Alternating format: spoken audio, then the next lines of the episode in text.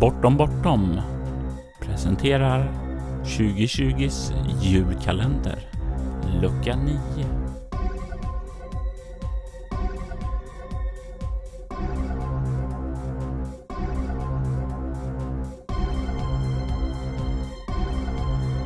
Bakgrundsmusiken i detta avsnitt gjordes av Derek and Brandon Fichter och vignettmusiken gjordes av Robert Jonsson. Hej och välkommen till dagens lucka av Bortom Bortoms julkalender. Jag är Kristoffer Warnberg från Svartviken rollspelspodd och jag ska berätta om ett minne som rollspelen har gett mig. De flesta av mina upplevelser inom rollspel är ju numera inspelade och publicerade via Svartviken rollspelspodd. Så jag tänkte att jag ska berätta om ett minne som inte går att lyssna på.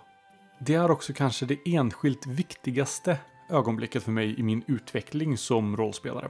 Om inte det här hade hänt så hade min syn på rollspel troligtvis varit helt annorlunda idag. Allt började med en rollperson vid namn Sundin. Sundin levde i Paradisdalen. Han var en muterad grävling med kort stubin. En arg jävel utan känsla för risk och konsekvens. Vi spelar kampanjen Genlab Alpha till rollspelet MUTANT år 0, skrivet och utgivet av Fria Ligan. Mina minnen av det exakta händelseförloppet är lite luddigt, så jag tackar min gamla spelgrupp som har hjälpt mig att reda ut lite om vad som faktiskt hände det där spelmötet. Det var dags för en stor fest i Paradisdalen. Djur från alla delar av reservatet samlades för att fira. Stämningen var god, alla hade trevligt. Ända till väktarna kom. Väktarna är Paradisdalens vaktstyrka i form av stora robotar med ont uppsåt. De greppade en av Sundins vänner och började att föra honom därifrån. Sundin, som inte var en grävling med förmågan att hålla sina känslor i schack, kastade sig obeväpnad över roboten och började att slå på den. Roboten greppade Sundin med en gigantisk näv och slungade honom över gläntan. Sundin slog i ett träd. Vi slog skada. Han bröt ryggen och dog på fläcken. Det blev slutet för Sundin. Det här var kampanjens första spelmöte. Vila i frid, Sundin. Så vad i den här dråpliga berättelsen är det då som är så viktigt?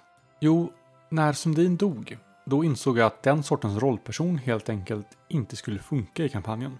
Jag gjorde en ny rollperson som jag övergav efter några spelmöten. Han var helt enkelt inte rolig att spela. Men sedan kommer vi till den viktiga delen. Jag gjorde min tredje rollperson och tog det åt ett helt annat håll. Resultatet blev Amadeus, en gravt överviktig padda som bara hade sitt eget bästa för ögonen. Han var självisk, feg och berusad av sin egen självupplevda förträfflighet.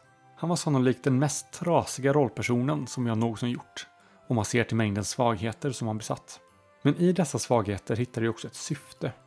Att göra Amadeus till en bättre person genom att hitta någon att bry sig om och därmed växa som person. Det var här grunden för i princip all min besatthet om karaktärsutveckling i rollspel föddes. Något som kom att definiera både hur jag spelar rollspel, men också den mest centrala mekaniken i mitt rollspelsgrumt.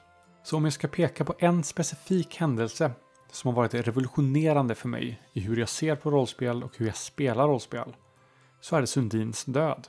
Vem vet var jag hade hamnat om Sundin hade överlevt den där smällen? Sundins död öppnade mina ögon.